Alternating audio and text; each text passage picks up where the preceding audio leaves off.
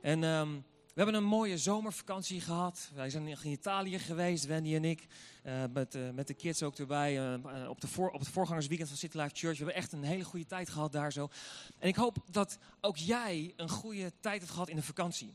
We hebben niet voor niks ons thema ook Relax en Reload genoemd. En ik hoop ook echt dat je de tijd hebt genomen om tot rust te komen. En gewoon bij, bij God te gaan zitten. En opnieuw gewoon de Bijbels open te slaan en te luisteren naar God wat Hij tegen je wil zeggen. En om eens gewoon te kijken, ben ik nog op koers? Ben ik nog op het juiste pad? Weet je, met het plan wat God voor mijn leven heeft. Of misschien heb je wel een goed voornemen gehad aan het begin van het jaar. En misschien was dat voornemen wel, ik ga elke dag stille tijd houden met de Heer. En dan kijk je nu terug. En is het goed om in de zomervakantie te kijken, van, is het gelukt? Weet je, of moet ik een beetje bijsturen? Een beetje, weet je, de koers weer even recht zetten. En ehm, voor ons en voor mij ook als, als, eh, als persoon heb ik dat natuurlijk ook gedaan. En ben ik er ook nog steeds mee bezig. Is het ook goed om dat regelmatig te doen, maar ook als kerk. En weet je, dat is ook de reden waarom we de Next Step Sunday gaan introduceren. Weet je, het is één om elke zondag hier te zijn. Alhoewel voor sommige mensen het misschien ook een next step kan zijn om niet één keer per maand in de dienst te komen. Weet je, en dan zo van tien uur 's ochtends. Oeh, ah, ah, dat haal ik niet meer hoor. Ik blijf lekker liggen. Nee, maar om gewoon te zeggen, elke zondag ben ik in Gods huis.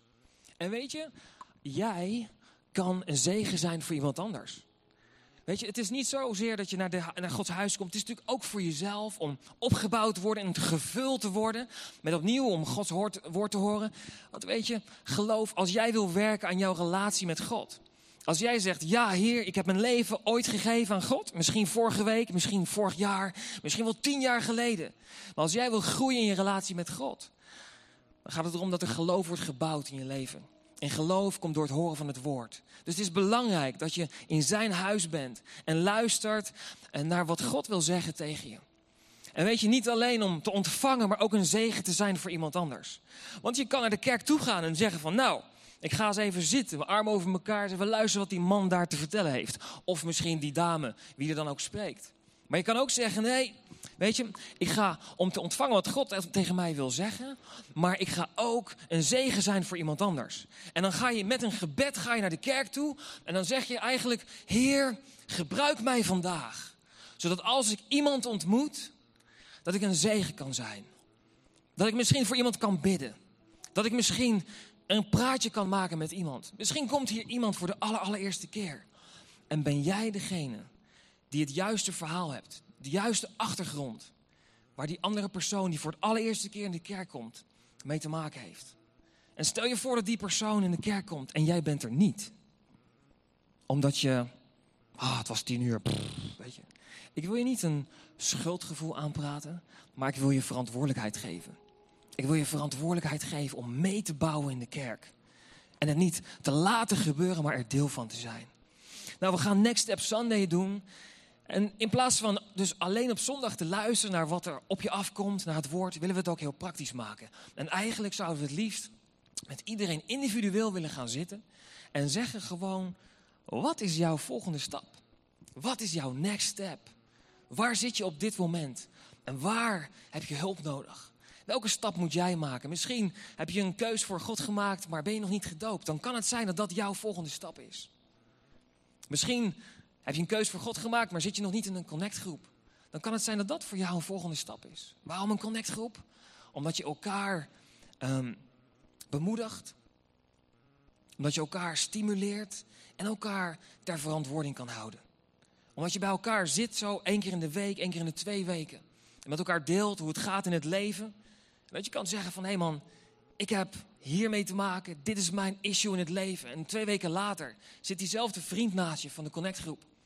En die zegt dan tegen je, hey, hoe gaat het met je?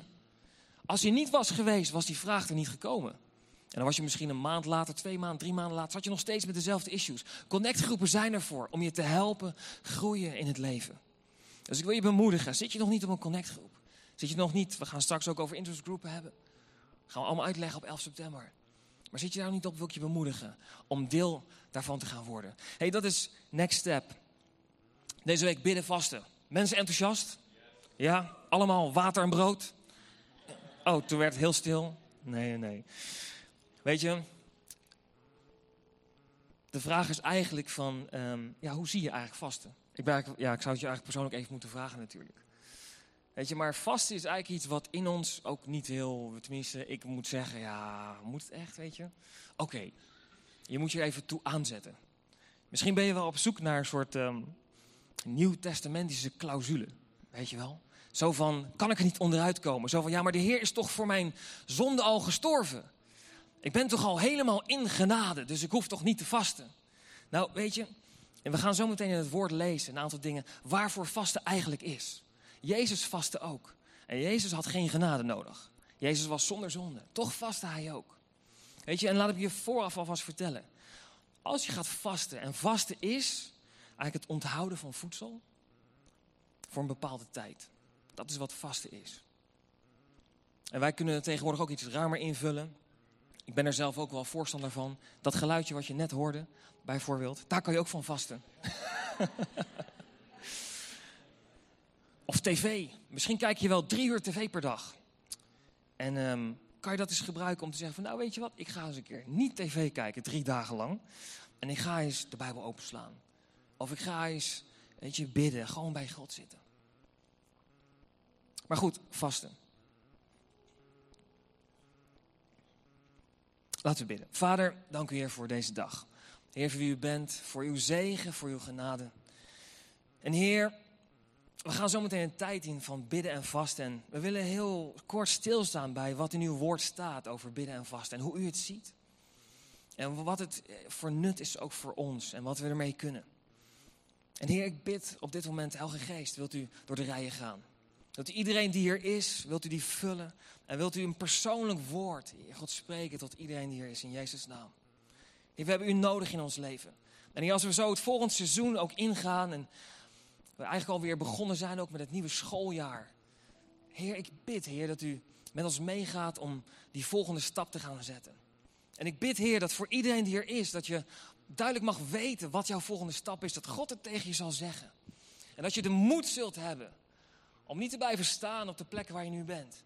Maar om al is het maar een klein schuifelstapje, maar wel een volgende stap in je relatie met God te gaan zetten. En Heer, we geven u de ruimte. We openen onze oren om te horen wat u wil zeggen. In de naam van Jezus. In Jezus' naam. Amen. Hey, ik weet niet of je wel eens gehoord hebt van de wet van verval. Iemand misschien? Um, ik moet eerlijk zeggen, ik snap hem al wel, maar ik had er nog niet eerder op, een, ja, op deze manier van gehoord. En ik zal hem even quoten. tenminste, er is een soort een wetenschappelijke omschrijving daarvan. Maar ik maak hem heel plat. Eigenlijk, de wet van verval zegt: alles waar je niet voor zorgt, zal in verval raken. Nou, om daar even een heel concreet voorbeeld van te maken, uh, van te geven, heb ik een paar dingen opgezocht. En ik begin even met een kort filmpje, als u Biemer die aan kan zetten. En die is eigenlijk um, het meest duidelijk ook wel. Dat is een appel. Kijk wat er gebeurt.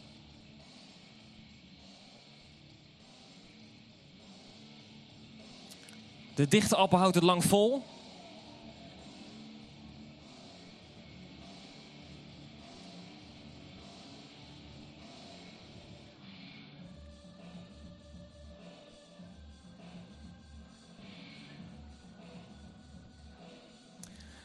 Ligt er zo'n appel bij jou in de fruitschaal?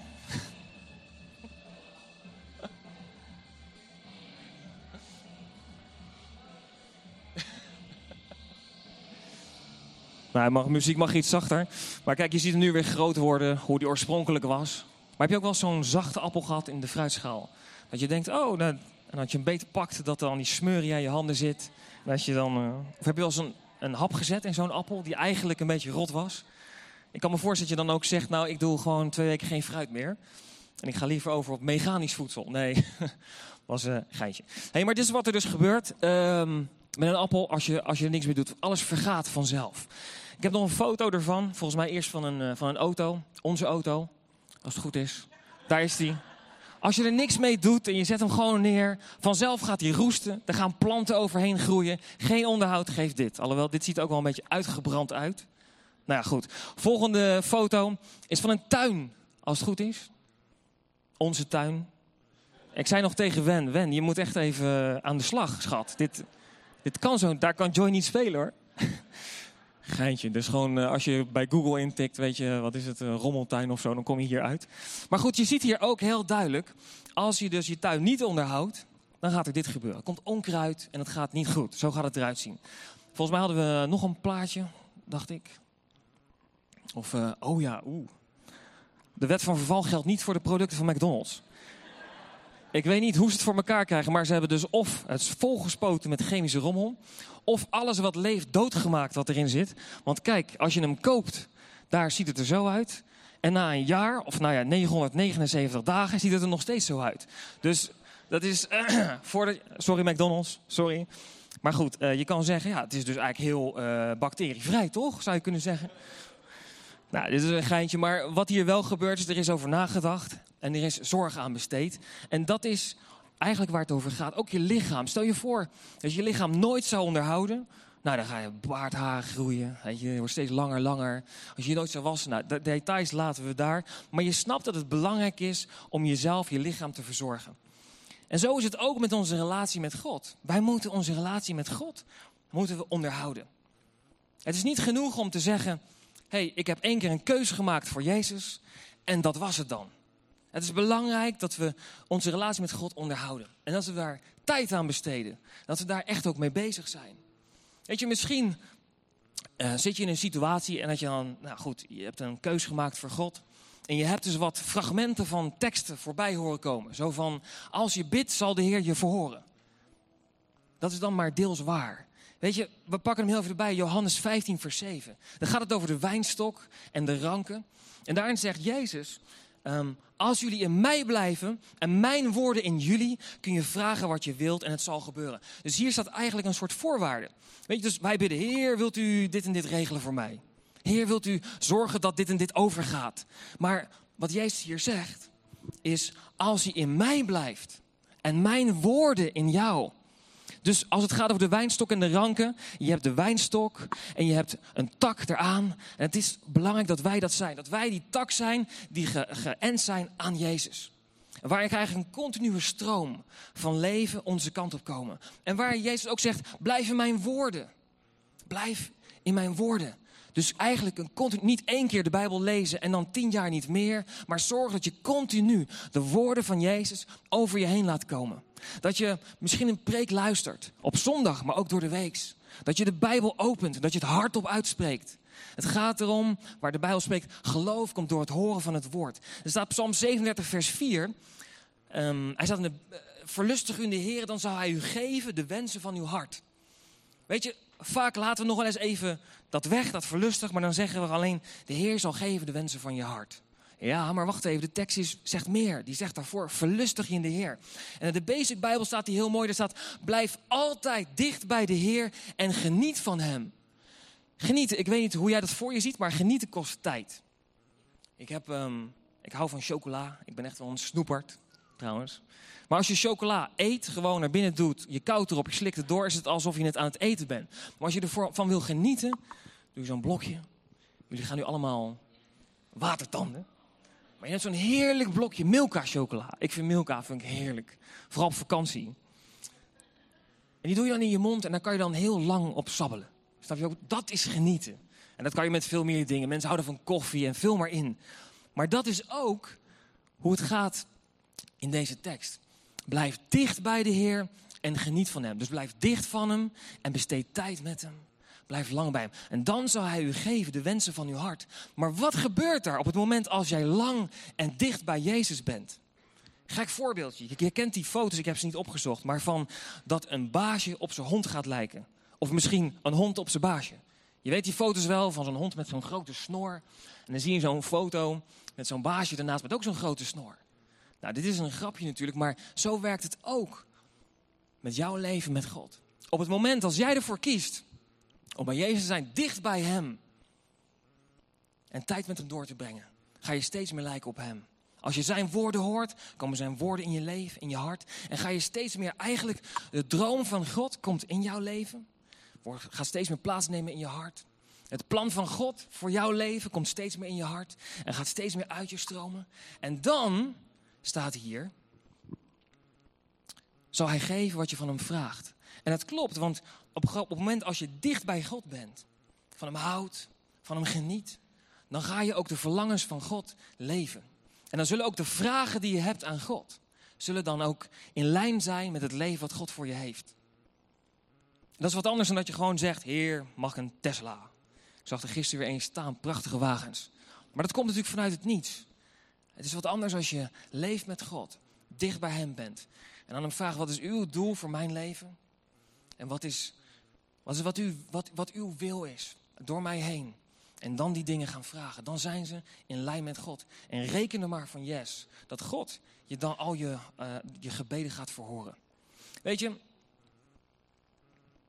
als ik dit zo zeg, en het gaat over tijd besteden met God, dan zou ik eigenlijk willen zeggen, laten we eerlijk zijn, lieve mensen. En ik kijk ook heel erg naar mezelf. Is het niet zo dat op het moment, wij hebben een keus voor God gemaakt. En we maken misschien een nieuwe start, misschien heb je het vorige week gedaan. Dat zodra het maar een klein beetje moeilijk wordt in je leven, dat het eerste wat eronder gaat lijden, onze tijd met God is. Tenminste, meestal. Er zullen hier natuurlijk een aantal mensen zijn die zowat bijna monnik zijn. Ik snap dat helemaal. Er zijn mensen die, zoals Mozes, uh, licht geven. Weet je, dat, ik zie nee, geen gesluierde mensen. Maar je begrijpt me goed. Laten we eerlijk zijn voor onszelf. Is het niet zo dat te vaak ons leven met God leidt onder onze omstandigheden? En weet je, er is een vijand.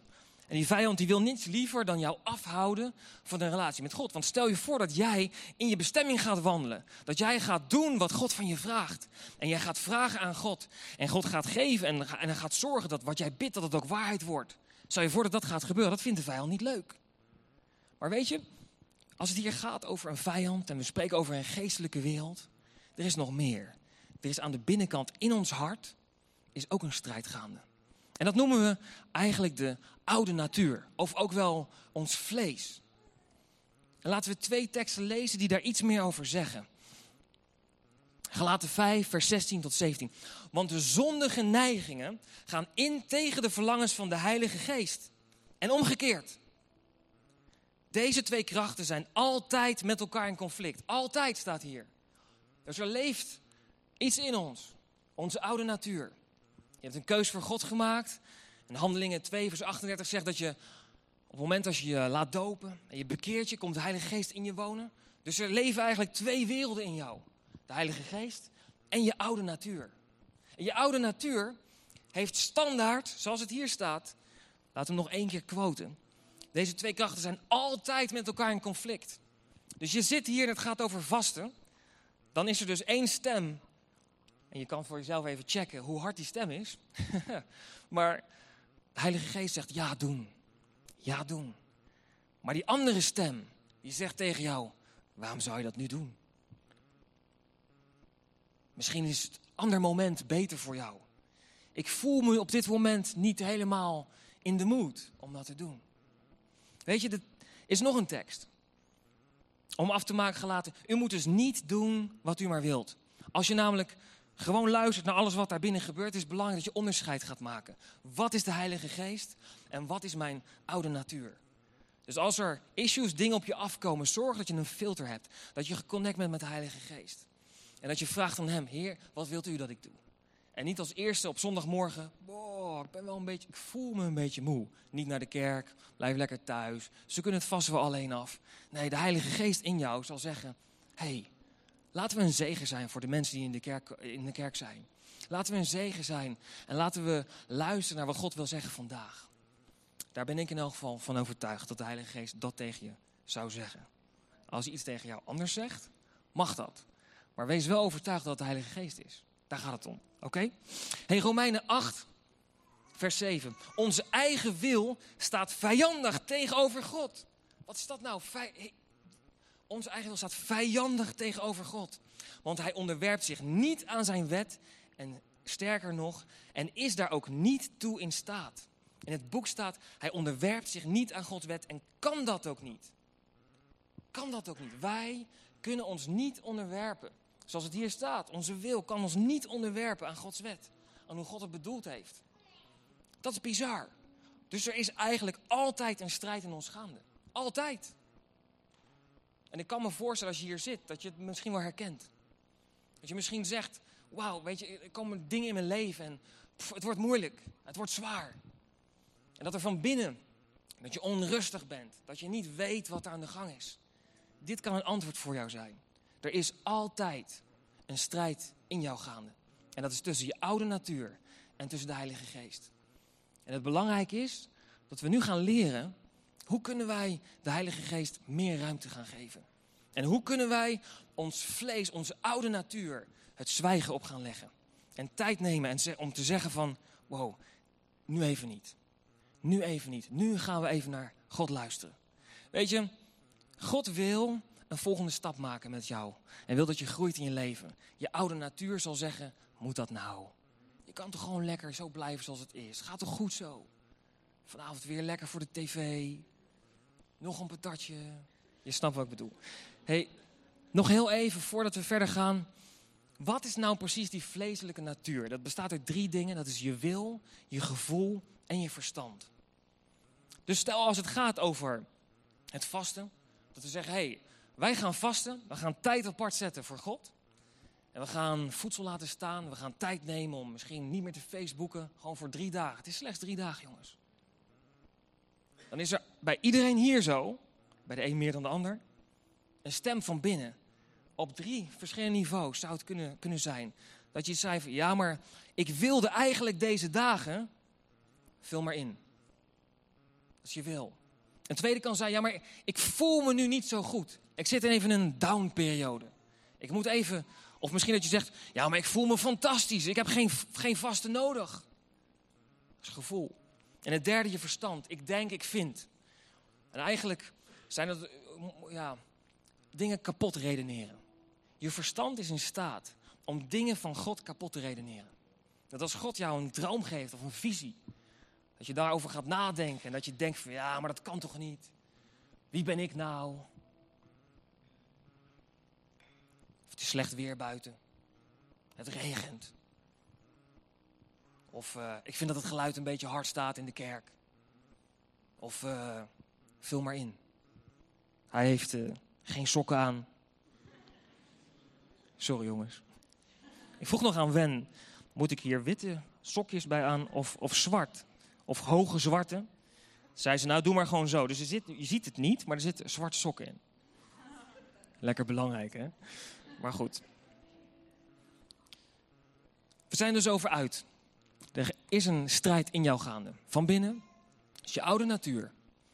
Je hebt gekozen voor God. De Heilige Geest is in jou komen wonen. En de Heilige Geest wil met jou aan de slag. Hij wil stappen gaan zetten. Hij wil maken dat je een zegen kan zijn voor andere mensen. Maar er zit een oude, luie natuur.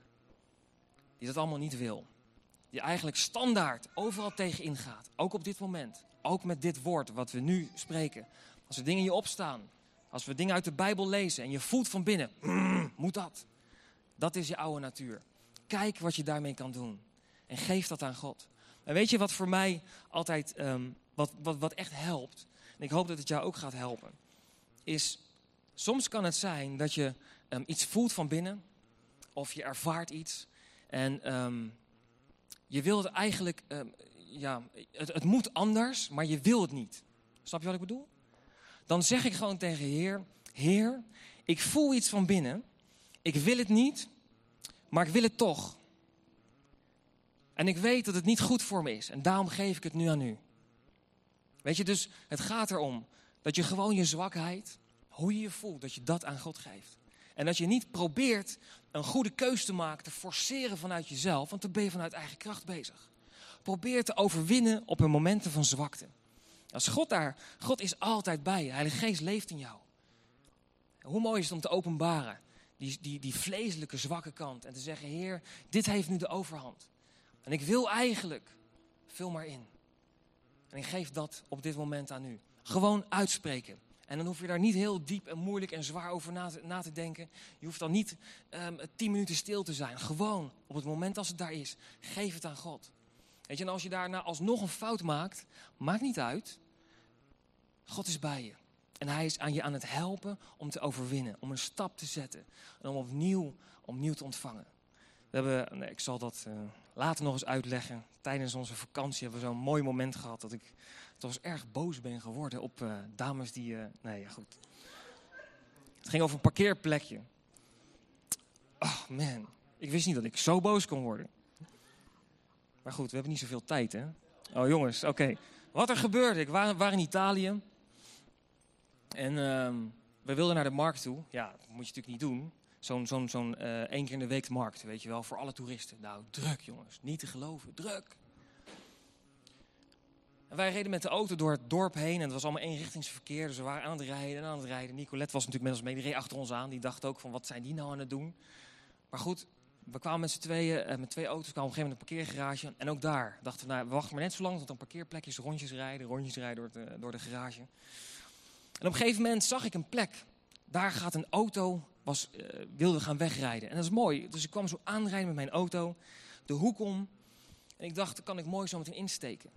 Het was één richtingsverkeer, dat moet ik even bij. Dat is erg belangrijk detail. Want je raadt het al, vanaf de andere kant kwam er een auto aangereden. Met een knipperlicht aan. En die wilde gewoon in dat parkeervak gaan staan. Ik denk, wat zullen we nou krijgen? Zo geestelijk als dat ik ben, dacht ik. Ik ga niet zeggen van, uh, nou heer, weet je, in de liefde rijk gewoon door of laat ik het. Nee, ik dacht, dat is mijn plek. Grond ingenomen, net als Jozua. Dit is mijn gebied. Weet je wel zo? Nee. Maar goed, ik, eh, die auto reed weg. Dus ik zag dat natuurlijk gebeuren. Je rijdt het al helemaal. Ik rijd door en moet achteruit insteken. Ondertussen gaat die andere auto, wil vooruit gaan en wil hem erin draaien. Ja, en dan kan je niet meer verder. Dan sta je er stil. Raam open. Uh, zegt, ja, als mijn plekje, zegt die dame. Ik zag hem het eerst. Ik zeg, ja, uh, kan wel zo zijn. Al zou je hem als eerste zien. Jij rijdt tegen het verkeer in. Ik blijf hier mooi staan. Jij moet maar weg. Nee, dat is het niet mee eens. Dat is prima. Dus ik deed de ramen dicht. Wen ook. Dus wij op onze telefoon onze e-mails checken. En net zo lang wachten. Maar op een gegeven moment had die meid, dacht hij van dit schiet niet op. Dus zij was de meest volwassen christen, als ze christen zou zijn. En reed weg, behalve een vriendin van haar. Die was alvast op het plekje gaan staan om het te claimen. Dus ik, auto weg. Dus ik nou is mooi. Ik mijn auto, langzaam rijd achteruit. En die dame stond daar gewoon. Ik dacht, ik rij gewoon door. Ze moet toch opzij.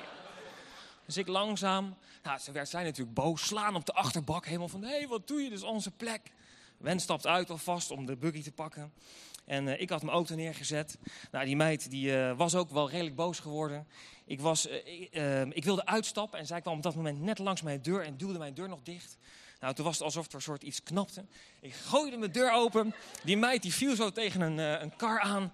En ik stond zo en ik, ik weet niet, ik heb geen geestelijke termen gebruikt op dat moment. Ik had in elk geval iets gezegd van dat ze weg moest wezen. Maar goed, in elk geval, punt is, wat ik hiermee wilde zeggen. Lekker verhaal, hè? Wie is dat nou weer? Wat voor voorganger is dat nou, jongens? Wat ik wil zeggen is dat we allemaal zwakke momenten hebben, toch? En dan is het belangrijk om het aan God te geven. En te zeggen van, Heer, waar komt dat nou vandaan? En ik heb mijn les gehad. Weet je, en ook les getrokken hier. Want het ding is, stel je voor dat zij die twee meiden. En ik heb daar zo ruzie om staan maken, om dat stomme plekje. Oké, ik reed drie kwartier al in die parkeergarage rond. Dus het was, misschien stond ik ook in mijn recht. Dat had best gekund. Maar heb ik er iets mee gewonnen? Of niet? Ja, ik heb mijn eigen recht gehaald. Weet je, mijn eigen gelijk. Voor mijn gevoel. Maar ik voelde me echt niet fijn daarna hoor. Een uur, twee uur lang of zo. Ik dacht van, moest dat nou echt zo? Moest het nou echt zo? Weet je, en ik heb daarna geleerd. Stel je voor dat die meiden hier in de kerk zouden komen. Zijn ze op vakantie? Hè, zijn lekker in de hoek van Holland. En denken, oh, City Life Church. Oh, dat is leuk. Eens even kijken. En ze zouden hier zitten. Op die twee lege plekken daar. Stel je voor. Dank u Heer dat ze er nu niet zijn. Nee, maar anders had ik ze nu excuses kunnen aanbieden. Dus nou oké, hey, ik, uh, ik hou erover op. Maar je hoort, weet je, ik probeer te zeggen. Dit is een strijd van binnengaande. En het is belangrijk dat we gaan leren om naar de Heilige Geest te luisteren. Ik wil hem nog, ik weet dat de tijd vliegt. Maar ik wil nog heel kort met je kijken naar hoe Jezus dat nou deed met vasten. En hij staat in Lucas 4, vers 1 tot 2. En daar kunnen we vijf kleine punten uithalen. Even kijken hoor. 4, vers 1 tot 2. Vervuld van de Heilige Geest trok Jezus weg van de Jordaan. Jezus was net gedoopt. En hij was vervuld met de Heilige Geest. En geleid door de Geest zwierf hij 40 dagen rond in de woestijn.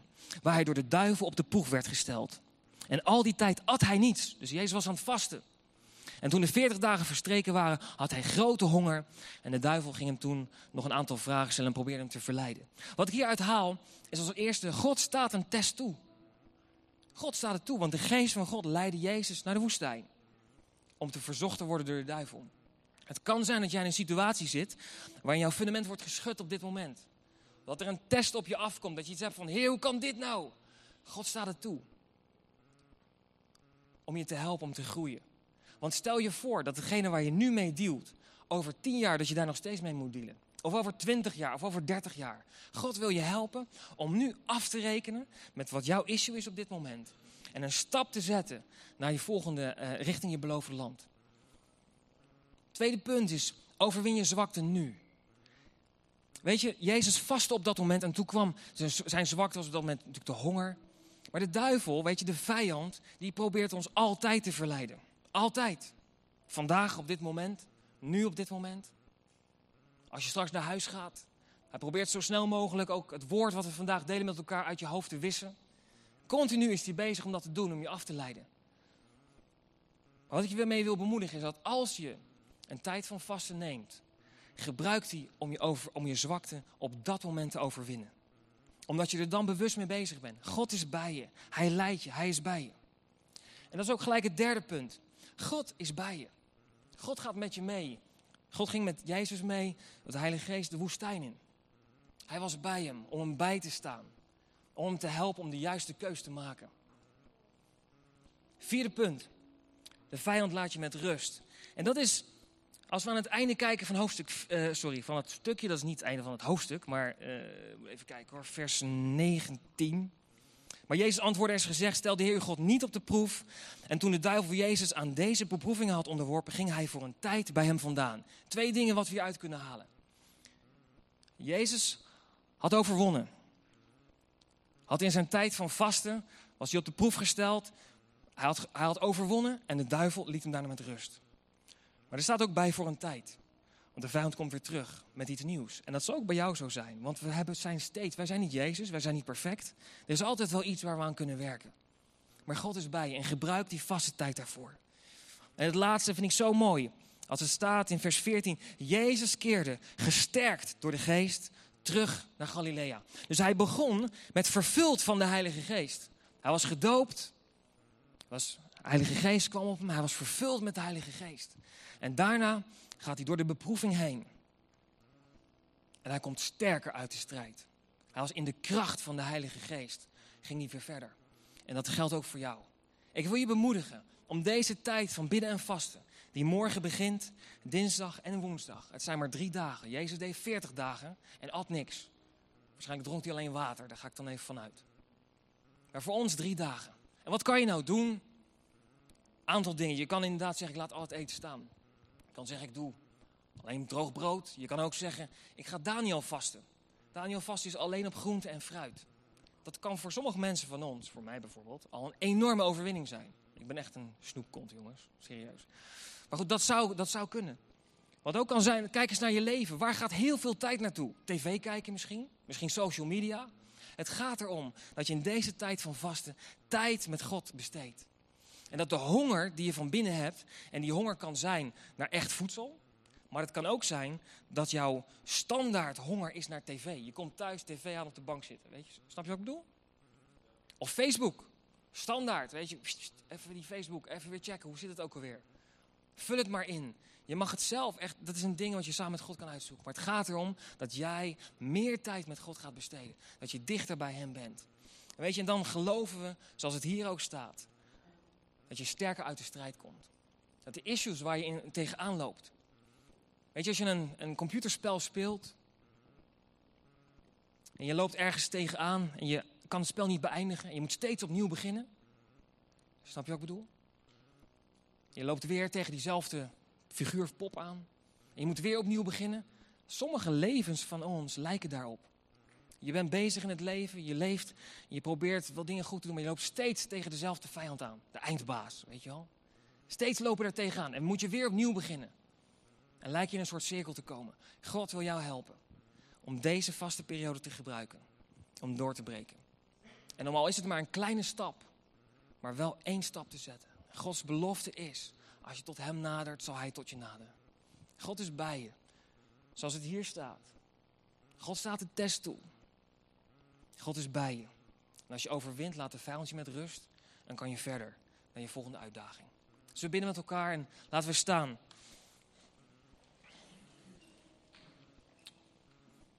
We hebben zo nog een korte moment om God aanbidden.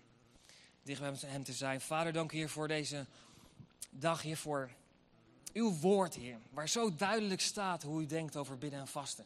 En dat bidden en vasten niet iets is om genade te verdienen bij u of daarmee in de hemel te komen. Maar dat het is voor onszelf om te groeien. Om dichter bij u te komen. En ik bid, Heer, voor iedereen die er is op dit moment. Dat u, Heer, onze next step in gedachten brengt. Dat u onze issues in gedachten brengt, waar we tegenaan lopen. En ik bid, Heer, dat u iedereen bemoedigt, Helge Geest, dat u beweegt in de harten om die volgende stap te gaan zetten. En om niet langer uit te stellen. Niet langer uit te stellen, niet langer te wachten. Excuses te bedenken. Waarom we niet een stap richting u zouden zetten. Waarom we niet zouden bidden en vasten en dichter bij u zijn. Ik bid, Heer, dat u tot ons allemaal spreekt. Op dit moment. En de beloftes, Heer, zoals in uw woord staan, dat we die zullen ontvangen en zullen claimen. Waarin staat, Heer, dat als wij dichter bij u komen, dat u dichter bij ons komt. Dat we issues bij u brengen, dat u overwinning geeft. Dat u naast ons staat. Dat u voor ons bent. En dat we sterker uit de strijd zullen komen. Gevuld en in de kracht van de Heilige Geest. In Jezus' naam.